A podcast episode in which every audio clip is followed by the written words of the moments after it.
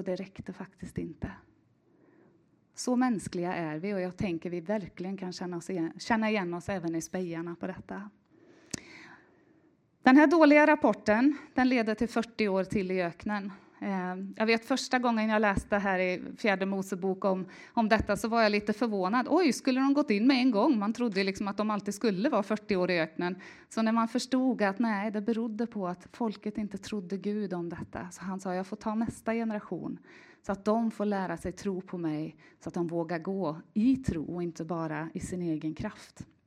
Så det är vad som händer här. Men om Kaleb så säger Herren detta, fjärde Mosebok 14 och 24. I min tjänare Kaleb är en annan ande. Det är Herrens ord. Han har i allt följt mig.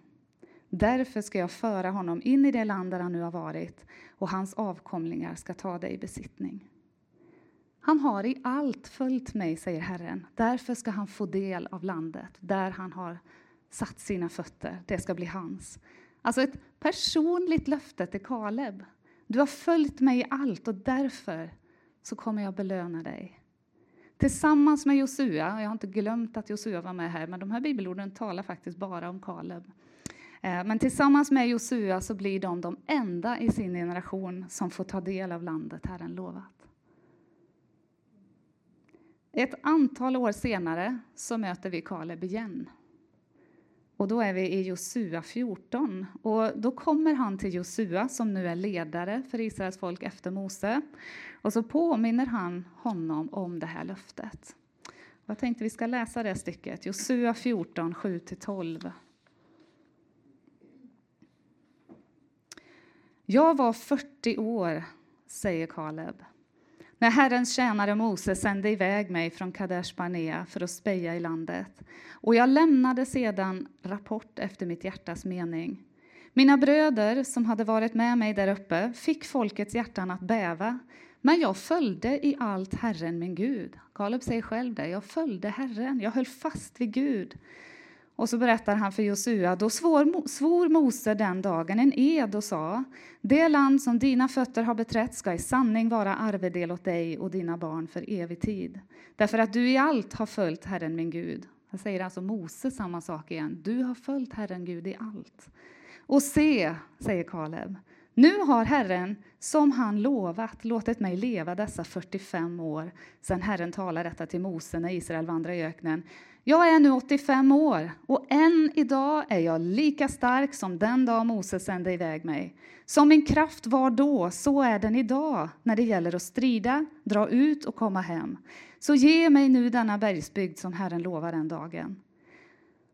Du hörde själv att anakiterna bor där med stora och befästa städer. Om bara Herren är med mig ska jag fördriva dem så som Herren har lovat. Och det blev precis så. Men jag tycker det är så häftigt att läsa detta, därför att nu är Kaleb 45 år. Menar jag inte alls det, det har gått 45 år. Han är 85 år och han har hållit fast vid Guds löfte i 45 år. Det är en lång tid att vänta på någonting. Man kan ju tänka att vid 85 års ålder så kanske han hade tänkt att det kanske inte blir av. Men han har hållit fast. Och nu har de gått in i landet och han går till Josua och säger nu vill jag ha delen som Gud lovade mig. Målet har han levt med i sikte hela tiden. Han har drömt om landet som Gud lovade och delen som han skulle få utan att vackla. Mose visste det, Josua vet det, Kaleb bekänner själv, jag har i allt följt Herren. Det har varit hans stora passion i livet att följa Herren. Han har drivits av detta de här 45 åren fortsatt att följa Herren. Det var inga lätta dagar i öknen. Jag tänker det måste ha funnits så många möjligheter att bara tänka att jag ger upp. Egypten var verkligen bättre. Här äter vi samma gröt varje dag. Alltså så många tillfällen att tänka, finns det inte något bättre? Men med målet i sikte så kände inte Kaleb så, utan han höll fast vid det. Han levde i hoppet om att en dag så kommer det här ske som Gud har sagt. Det som Gud har lovat, det väntar jag på, även om det är svårt. Så han står därför lika redo när han är 85 som när han var 40. Och jag gillar att han säger där att som min kraft var då, så är den än idag. Han var redo att gå till strid. Fantastiskt, vilken man. Om Herren är med, säger han, då är inget omöjligt. Vilken otrolig tro som Kaleb visar på i det här stycket. Och det är inte för inte som Kaleb och Josua, båda de här gudsmännen, är förebilder för oss, därför att de vågade lita på Herren i en tid som var allt annat än enkel. De drevs av målbilden, Gud har lovat, vi följer honom no matter what. Det var grejen.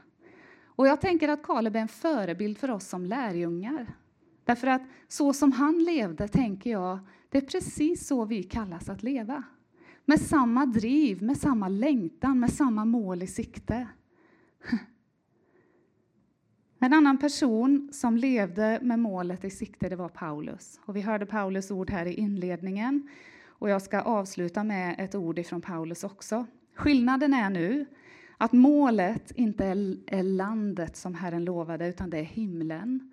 Eh, men man kan verkligen säga så här att landet, alltså det förlovade landet, är som en profetisk förebild av himlen. Det är platsen där Gud bor bland sitt folk. Alltså det är platsen där Herren regerar, där han är kung och där vi får vara i hans närvaro.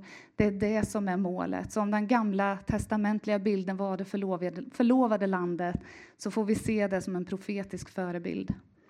Och så här säger Paulus om att följa Jesus i Filipperbrevet 3, 12-14. Inte så att jag redan gripit det eller redan nått målet, säger han. Alltså, jag lever mitt liv nu, men jag är inte framme. Utan han säger, jag jagar efter att gripa det eftersom jag själv är gripen av Kristus Jesus. Alltså hela hans liv handlade om att Jesus hade fått tag på honom. Det fanns ingen som han älskade högre eller var mer villig att leva för än Jesus. Och han säger, jag är så gripen så jag jagar efter att gripa det, säger han. Och så upprepar han sig i vers 13. Bröder, jag menar inte att jag gripit det än, men ett gör jag. Jag glömmer det som ligger bakom och jag sträcker mig mot det som ligger framför. Tänk på israeliterna. De glömde det som låg framför och sträckte sig efter det som låg bakom, för det var bekvämt. Vi vet vad vi hade. Men Paulus säger tvärtom. Det här livet innehåller mycket motstånd och mycket prövningar för mig, tänker jag att han sa, för det gjorde det. Men jag glömmer det som är bakom. Jag sträcker mig mot det som ligger framför och jagar mot målet för att vinna segerpriset. Så uttrycker han sig. Och segerpriset är Guds kallelse till himlen i Kristus Jesus. Paulus har också målbilden klar för sig. Han vet vart han är på väg och det är att möta Jesus i himlen. Och jag tror att det var det som drev honom och gav honom kraft att fortsätta i Jesu fotspår i det som var hans vardag. För att följa Jesus kostar ju nämligen, det kostar oss alla någonting. Och med målet i sikte så tror jag att vi kan få samma drivkraft att vandra med Jesus, därför att det leder till mötet med Jesus själv. Att en dag få stå där i hans strålglans, se honom för den han är.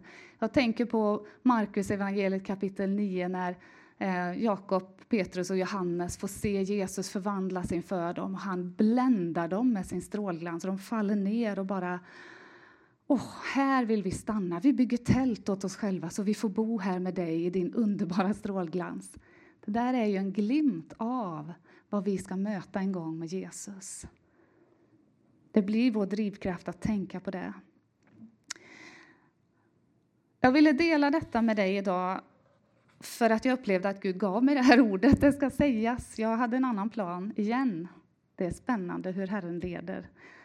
Men Gud förde mig till det här bibelordet i Filipperbrevet 3 där Paulus uttrycker just det här jagandet efter målet. Därför att jag tror det är så med allt i livet att har vi inte målet klart för oss och bara lever precis här och nu då kan vår riktning se ut lite så här. Vi går liksom dit det går för dagen. Idag hamnade jag här borta och imorgon hamnar jag här borta.